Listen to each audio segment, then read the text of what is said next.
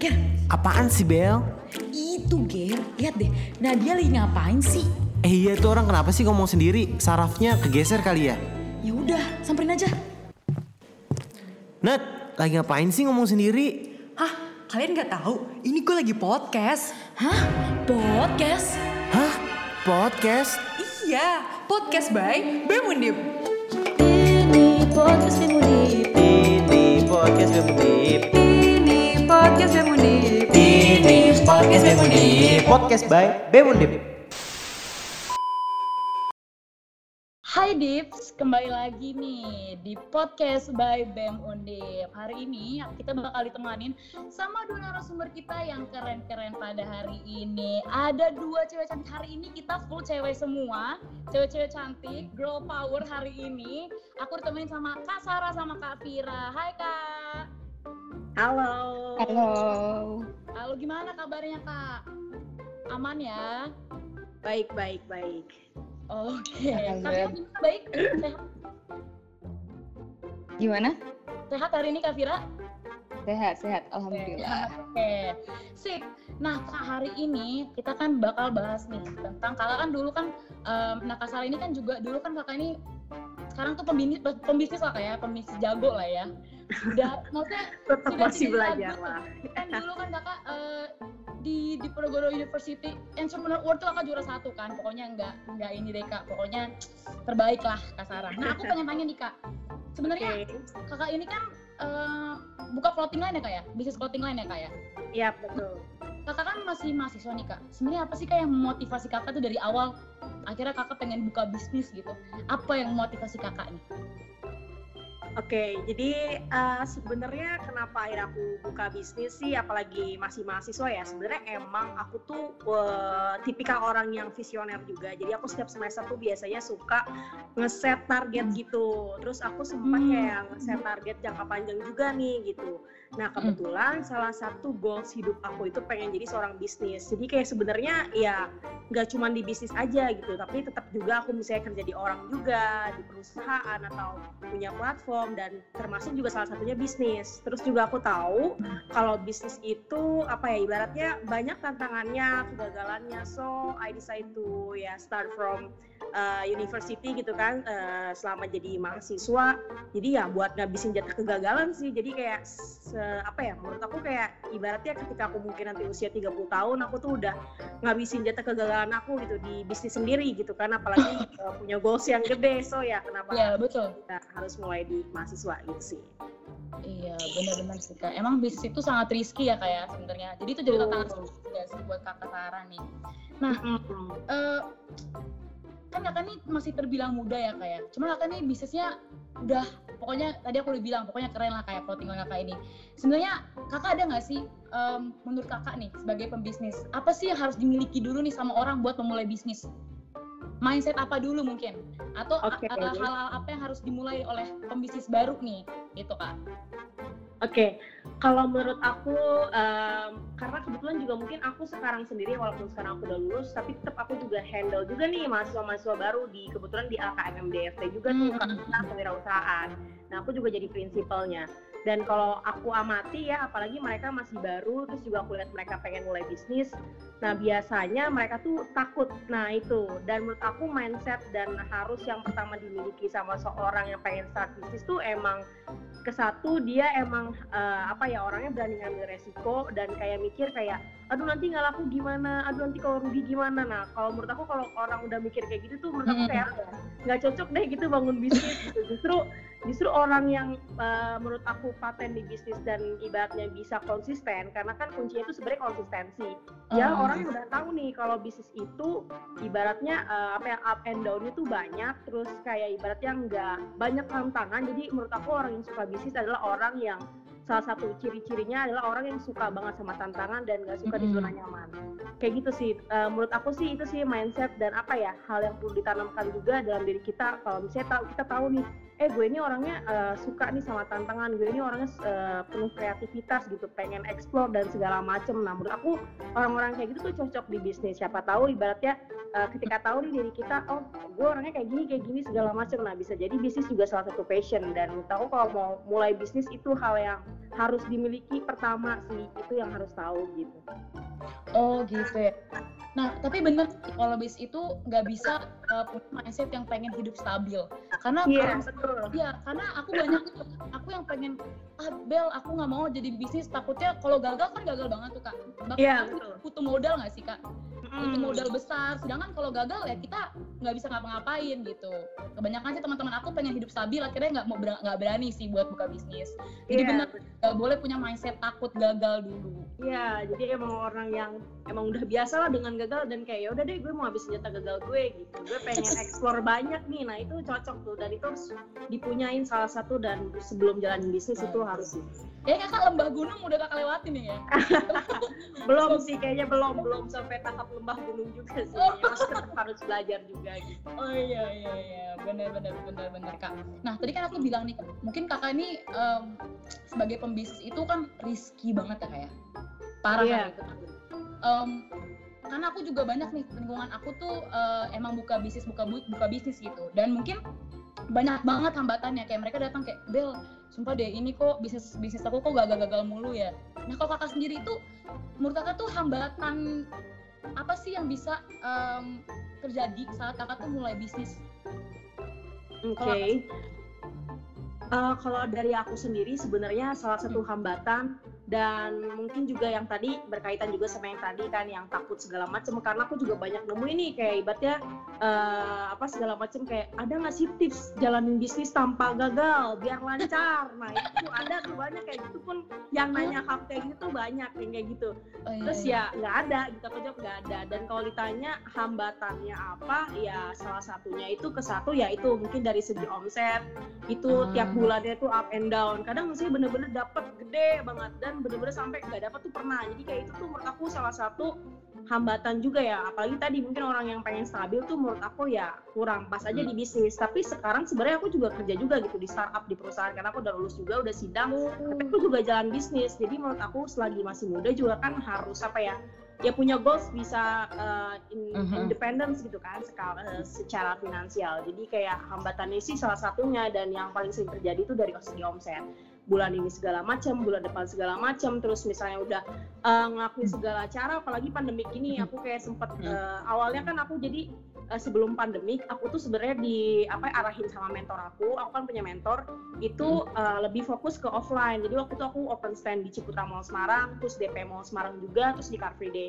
Nah tiba-tiba pandemik wah itu bener-bener aku kayak yang uh, aduh gimana nih gitu kan. Maksudnya uh, omset utama aku tuh dari yang kayak gitu. Terus sekarang Panik harus dikit ya, fokus ke online dan uh, langsung panik attack banget. Dan jadi kayak aku harus ya explore semua hal dan berkaitan Hmm. dengan marketing dan online gitu dan lain-lain. Dan akhirnya kayak oh ternyata aku tuh sekarang sebenarnya fokusnya di bisnis to bisnis. Jadi mungkin Eh, apa ya jadi aku jadi supply dulu loh jadi supply seller seller kayak gitu. Sekarang aku malah fokusnya kayak gitu. Jadi Iya, jadi iya. bukan B2C sekarang aku B2B nggak tahu kenapa. Waktu itu aku nemu ya, nemu e-commerce namanya itu apa namanya Evermost nah ya udah di situ ternyata pendapatannya melonjak. Tapi ya minusnya aku nggak bisa re- review nggak bisa kayak kelihatan ini kejual. Cuman ya ternyata jalannya di situ ya udah gitu. Jadi ya itu tadi eh, hambatannya mungkin dari segi gimana sih caranya buat dapetin omset. Nah itulah yang harus kita cari dan kita temuin gitu kan dari dalam bentuk keuntungan. Itu menurut aku yang sering terjadi dan ya kayak gitu ibaratnya. Oh jadi eh, tadi nih aku nangkep juga nih, berarti kayak bener-bener setelah pandemi itu aku langsung switching gitu ya kayak langsung bener bisnisnya oh iya iya iya iya Iya benar karena aku waktu itu kalau kamu perhatiin atau mungkin ya itulah dulunya aku emang benar-benar di offline banget waktu itu fokusnya gitu. Oke, iya iya iya. Tapi kalau misalkan ngebalance-nya itu kakak sama kakak dulu, eh, berarti kakak buka bisnis itu pas kakak masih kuliah juga ya kayak? Waktu Eh, waktu masih Mm-mm. mahasiswi kakak buka bisnis di situ. Itu susah nggak kak Eh, balance-nya? uh, Susah nggak? uh, kuliah sama bisnis yes, maksudnya gitu. bener kak. Oh, Oke, Um, menurut aku um, selagi jadi mahasiswa plus aku juga sebenarnya bukan cuma bisnis. Aku tipe orang yang emang sangat explore, bukan cuma di bisnis. Aku juga suka ikut lomba riset, organisasi juga Mhm. kan. Terus banyak lah sebenarnya. Terus juga aku juga teknik, apalagi kan teknik gitu kan.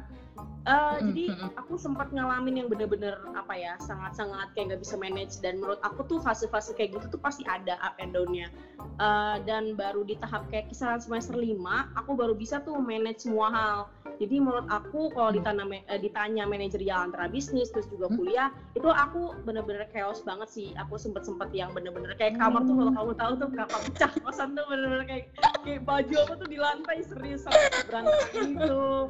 Iya praktikum dan lain-lain. Iya jadi kayak aku soalnya gini ya kenapa gitu? Karena aku percaya kayak eh, apalagi masih muda mahasiswa kayak ya aku tahu nih aku eh, maksudnya parah banget lah gitu kan eh, udah ini segala macem ikut ini itu gitu. Cuma- tapi niat aku ya emang pengen nyari jati diri dan aku percaya ketika aku mungkin sekarang capek nanti di akhir suatu saat nanti aku bisa metik buahnya dan aku berasa itu sekarang di semester akhir dan udah lulus gini kayak eh, kerja di Hmm. startup juga udah dapat aku sebelum sidang udah udah kerja di perusahaan terus juga bisnis jalan terus juga punya platform juga kan aku buat uh, startup riset jadi kayak ya itu terbayar gitu jadi kalau ditanya manajerial Iya, gimana benar. segala macem ya tuh biasa aku juga bener-bener uh, chaos Hmm. nah sampai aku belajar apa sih kurangnya evaluasinya apa nah baru deh aku bisa manajerial semuanya di semester 5 waktu itu.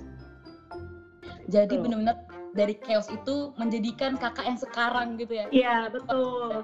Mantap mantap. mantap. karena nggak ada yang mulus pokoknya gitu. Mungkin aku harus chaos dulu kali ya biar sejago iya biar belajar belajar dulu. Kan emang kita tuh harus belajar dulu ya apa yang salah gini oh baru tahu nih oh jadi lebih baik gitu. Sih Betul, betul. Nah, nih kak, em, kalau aku perhatiin nih kayak kalau di bisnis itu ya, itu kan ada ya pola-pola hambatan gitu. Mungkin kebanyakan tuh sama kalau di bisnis ya hambatannya gitu. ya. Nah, tapi kalau terkhusus nih kak, pattern of obstacles di clothing line tuh apa sih kak? Mungkin banyak nih teman-teman aku kan, apalagi cewek-cewek ya, pengen buka kayak bisnis, eh clothing line-nya, clothing line lo, tapi nggak tahu gitu. Maksudnya apa aja sih hambatan-hambatannya gitu? Kalau dari kakak tuh apa sih kak? Oke oke. Kalau pattern of obstacle selama aku di clothing line sih kayak lebih ke ini ya apa namanya kan aku kadang ada periode-periode launching gitu. Nah itu apa dead stock itu. Jadi kadang misalnya aku launching misalnya bulan Juni eh, itu misalnya aku proyeksi ibaratnya dari forecasting sebelumnya peramalan model-model sebelumnya tuh yang laku ini dan akhirnya aku produksi ini gitu kan. Nah terus tiba-tiba nggak laku segala macem dead stock. Nah terus misalnya uh, udah tuh di mungkin pada uh, apa namanya new arrival pas pada saat itu sepi bener-bener karena mungkin Hmm. minat atau segala macem dan lain-lain. Nah terus nanti mungkin aku launching lagi gitu. Nah itu bener-bener laris banget. Jadi menurut aku pattern of obstacle di clothing line itu harus bener-bener bisa nyiptain produk yang bener-bener sesuai market dan uh, pokoknya itu deh.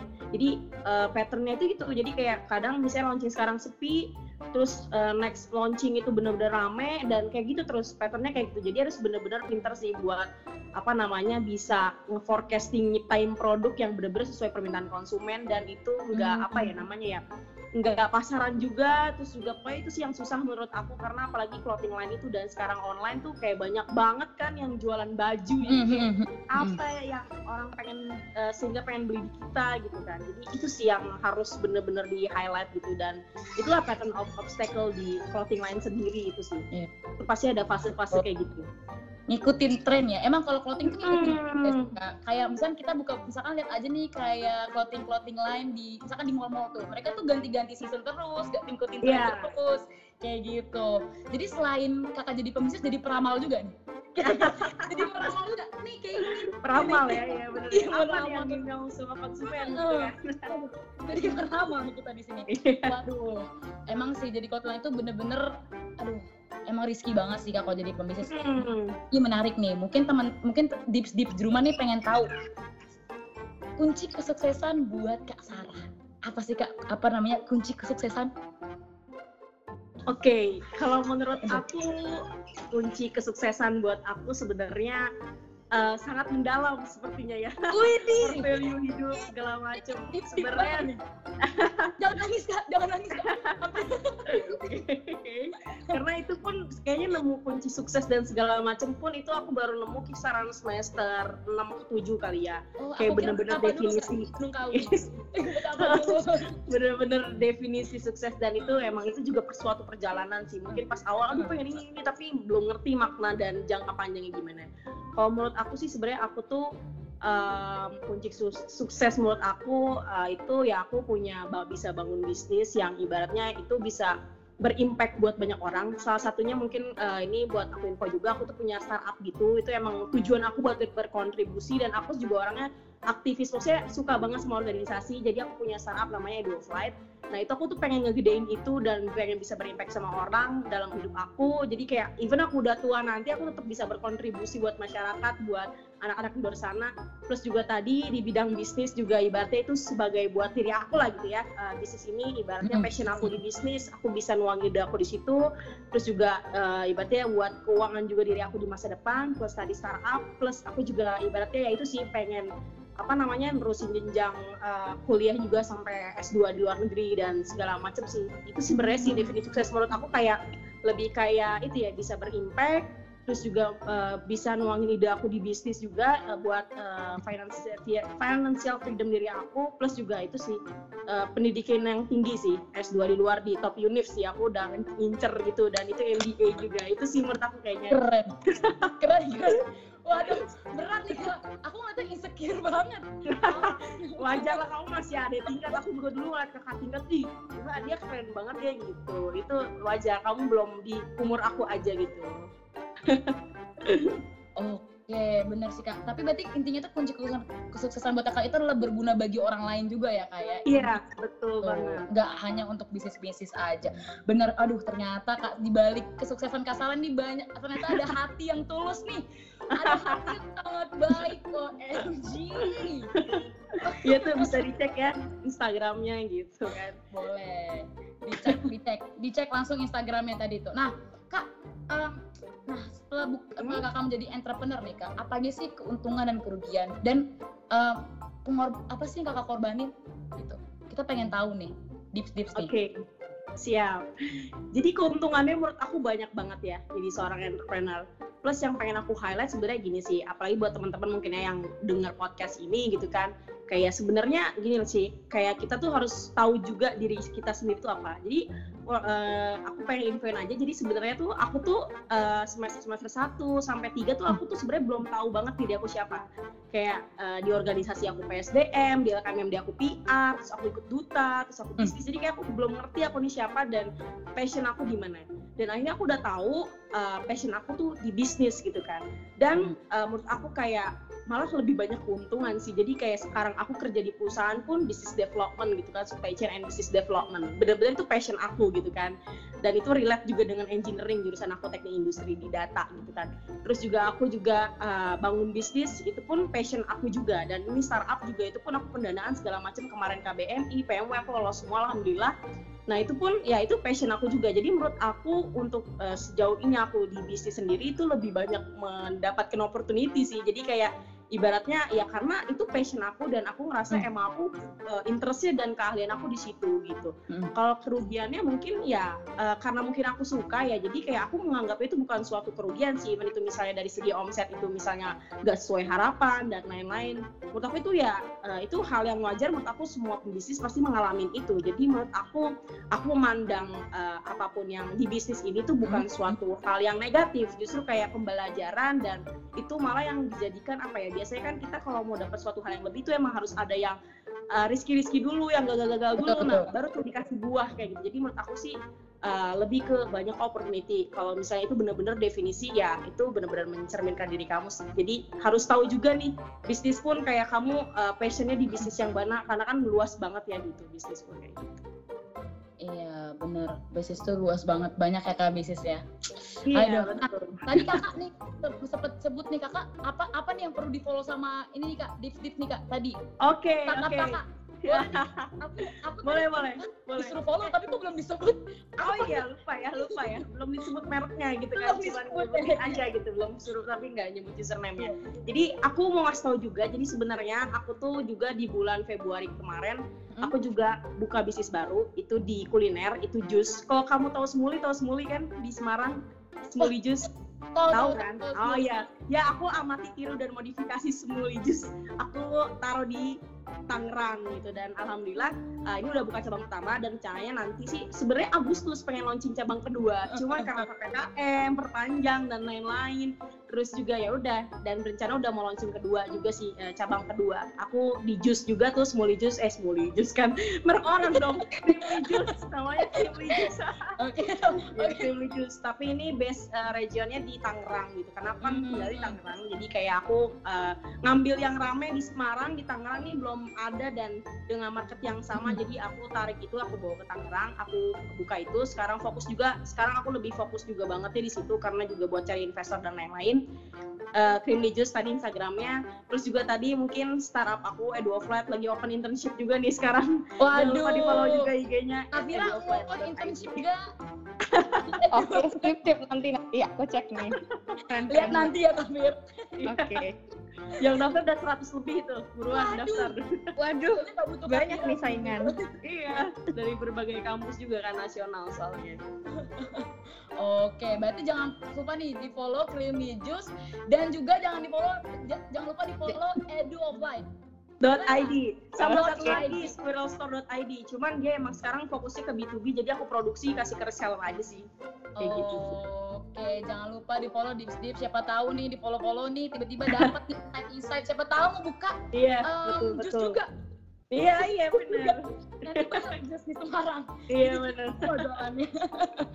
Oke, mantep nih. Nah, tadi kan aku sempat di awal lah kayak aku eh, kita memper- memperkenalkan Duea nih. Mungkin aku mau tanya-tanya nih sama penanggung jawab eh, Duea dulu nih dari Kak eh, Vira nih. Kak Vira, boleh dong Kak dikenalin apa sih Kak di Ponorogo University Entrepreneur Award? Oke, mungkin aku mau kenalin dulu nih tadi Dewa kan udah tuh tadi Bella uh, sebutin tuh di Ponorogo University Entrepreneur Award gitu kan. Nah, Dewa ini sebenarnya adalah kegiatan uh, yang diselenggarain ini sama Ekotif BEM Undip yang di mana tuh kegiatan ini tuh buat memberi penghargaan gitu kepada pengusaha-pengusaha muda di Universitas di Ponorogo. Begitu Bella. Oh iya, berarti em, kalau Kak Sarah juara satu berarti kita memberi em, award-award kepada em, wirausaha wirausaha seperti Kak Sarah gitu ya Kak Vira ya? Iya, iya, memberikan Oh. apresiasi kepada uh, wirausaha dan juga uh, ini sih tentunya juga memberikan inspirasi-inspirasi buat yang sekiranya nih mau terjun nih ke dunia wirausaha. Nah, itu harus bisa ini nih kayak contoh nih dari Kak Sarah sendiri nih biar bisa kayak Kak Sarah kayak gitu. Widih, biar bisa kayak Kak Sarah. Waduh, auto auto cuan. Auto cuan. Nah, eh, kalau Kak Vira, eh, tahun ini dua ya buat topik apa tuh Kak? Tema apa tuh Kak Vira?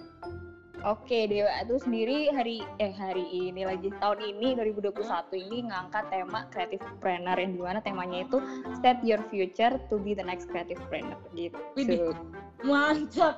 Set the future to be the next entrepreneur. Mantap, mantap, mantap. Nah, ternyata aku juga aku kemarin nih sempat sempat ngobrol kan ternyata dua itu adalah proker unggulan ekotif ya kayak itu kenapa sih Iya. Jadi proker unggulan dan akhirnya jadi proker tetap dari ekotif itu sendiri Nah, kenapa sih gitu ya? Kenapa kok bisa jadi proker unggulan? Nah, sebenarnya karena ini sih Dewa ini kan ada kontribusi nih dari di dalamnya tuh ada kerjasama nih antara semua fakultas, sekolah vokasi dan UKM UKM juga yang ada di Undip. Nah, Hmm. Terus juga proker ini tuh ini uh, puncak dari semua proker ekotif. Jadi ini istilah kayak gongnya ekotif begitu. Proker terakhir dari ekotif itu adalah awarding ini gitu. Jadi uh, dan terus uh, apa ya DWA ini kan ada ini dibersamai juga nih sama webinar nasional yang di mana tuh pastinya juga akan ada nih uh, pembicara-pembicara yang pastinya uh, keren-keren. Nah tapi sebelum uh, adanya DWA ini kan ada beberapa kayak pendatang wirausaha, terus juga ada pelatihan coaching mentoring undip yang entrepreneur kayak UY, terus nah puncaknya ini adalah ya di DWA ini kayak gitu. Jadi kayak istilah ya tadi aku bilang kayak gongnya gitu. Oh, gong dari ekotif itu sendiri. Eh, Iya, iya, iya, iya, ya. Tapi em, ini kan pandemi ya kayak. Itu gimana tuh kak mekanismenya? Kalau lagi pandemi gini, kita apakah online atau semi offline atau offline nih kak? kalau mekanisme sih pastinya nih bakal kita online kayak ya karena tahu sendiri kan pasti kalau kita pandemi nggak akan boleh nih eh, buat ngadain acara off- offline ya. Tapi eh, apa untuk apa namanya untuk webinar nasional juga akan eh, online juga. Terus gimana ya? Terus dari situ dilanjut juga. Nah, DWA ini kan ada awarding nih yang tadi aku bilang juga ada webinar nasional. Nah, itu tuh eh, juga akan online juga. Jadi semuanya emang kita online cuman eh, untuk mekanismenya gitu kita akan juga ada tapping kayak gitu-gitu sih paling eh, yang kayak lebih Hmm. rinci-rincinya gitu. Oh gitu ya, emang sih pandemi gini agak sulit ya. Mungkin kalau kita offline akan lebih seru nggak sih? belajar bareng. Iya, iya, iya seru banget Iya, pastinya kalau lebih- bisnis kita belajar bareng sama Kak Sarah, siapa tahu Kak Sarah jadi mentor. Iya, betul. Iya, sini kita belajar belajar bareng, auto langsung jualan, langsung, aduh keren banget. Pengen ketemu Pak Luhut, help PPKM sampai kapan gitu ya. Oke, nah em, aku mau tanya nih kak, mungkin Diptis kan jadi tadi tertarik kan mungkin mau mentoring juga atau mungkin mau lihat nih dua itu sendiri. Eh, gimana sih kak buat eh, mahasiswa itu bisa mendaftar dan bisa mengikuti info lebih lanjut juga nih dan mengikuti lewat sosial media. Boleh dong kak Kavira nih kasih tahu info-infonya. Oke, buat mungkin info-infonya nih biar langsung cus dicek-cek gitu. Uh, follow di co.planners di situ tuh ada info-info juga mengenai DWA terus juga ada coaching mentoring yang tadi aku udah bilang juga itu ada coaching mentoring dari UY terus de- pokoknya pantengin terus itu Instagramnya dipo.planners pokoknya itu uh, isinya dari info-info dari semua ekotif gitu Mantap, jangan lupa di follow. Ini banyak lagi nih di follow nih. Tambah lagi di lagi nambah nih Entrepreneurs. Ini harus dicatat ya di sini iya. semua. not ya not ya Harus noted. Nah, aku mungkin mau tanya nih sama Kak, Kak Vira sama Kak Sarah. Kenapa sih kita tuh harus daftar ya? Mungkin bisa dimulai dulu sama Kak Sarah sebagai testimoni aja nih Kak. Kenapa kita harus daftar ya nih? Oke. Kalau menurut aku kenapa harus daftar karena ini juga salah satu challenge buat kita kayak apa ya? Ibaratnya kita nih udah jadi pembisnis. Terus juga mungkin eh, punya ibaratnya skill juga kan tersendiri dalam bisnis sendiri gitu. Nah, ini sebagai challenge kayak ini nih benar-benar menunjukkan passion aku nggak sih? Dan ini benar-benar ibaratnya kita outputnya tuh jelas gitu kan dalam suatu Ya. kompetisi gitu kan diuji gitu kan. Eh, ibaratnya passion kita ini di DWA menurut aku salah satunya. Jadi kayak oh iya ya bener ya aku bisa ibaratnya bisa secara nggak langsung kayak eh, mendefinisikan diri oh iya emang ternyata bener emang bener-bener gue di sini dan bisa belajar juga dari ajang ini. Even misalnya nanti pun ibarat ibaratnya nggak pilih juara satu atau segala macam justru kan ya itu tadi jadi suatu pembelajaran oh ternyata gue kurangnya di sini gitu apa yang harus diperbaiki jadi menurut aku ini suatu challenge buat kita yang punya passion di entrepreneur sih kayak gitu menurut aku. Oh, kenapa harus daftar gitu bener. Kamu merasa jago di bisnis? Tes Iya. uji dulu kalau nggak ada Sarah ya? iya uji betul ikut DWA makanya gitu gitu. Siapa tahu tuh, kalau kata orang-orang ya di atas langit masih ada Hotman. Di Nah, betul. didoain gitu. Oke, kalau Kak Sat, eh kalau Kak Fira nih, em, kenapa sih Kak kita harus daftar doyan nih Kak? Oke, mungkin tadi Kak Sarah bilang nih yang kayak tadi bilang harus ikut biar men-challenge diri gitu kan. Nah, Betul. dan itu sendiri pastinya kita yang namanya tadi kita bilang apresiasi, pasti kita harus uh, akan adanya manfaat-manfaat nih kayak misalnya ada dia penghargaan, terus juga pastinya ada manfaat-manfaat yang di mana itu juga bisa mempromosikan usaha-usaha yang dimiliki sama pemenang-pemenang gitu di setiap bidangnya tadi. Oh ya, btw aku mau nge-spill nih uh, bidang-bidangnya nih yang ada di DWA ada lima. Nah, Oke. bidangnya itu yang pertama ada industri makanan dan minuman atau F&B yang tadi Kasar juga pernah singgung-singgung tadi. Terus ada industri kreatif juga, ada teknologi industri, ada industri jasa dan perdagangan dan yang terakhir ada industri produk dan budidaya. Gitu. Waduh, banyak banget ini. Jadi semuanya ini ya Kak ya, tercakup lah ya, semua jenis bisnis ada di doya gitu ya Kak? Iya, betul. Exactly. Ayo makanya ikut doya teman-teman. Yuk, yuk, langsung ditunggu nih. Yes, ditunggu. Mau kalian bisnis apa pun Wajib, di wajib. sini, eh, ekotif mewadahi gitu ya Kak Fira ya. Iya, betul banget, betul banget. Oke, mungkin kita udah mau, mungkin kita nih sebelum kita tutup nih Kak mungkin ya, Am, aku mau denger dong closing statement dari Kak, Kak Sarah sama Kak Vira. Mungkin aku mulai dulu dari em, Kak Sarah nih. Ada nggak Kak closing statement sebelum kita tutup?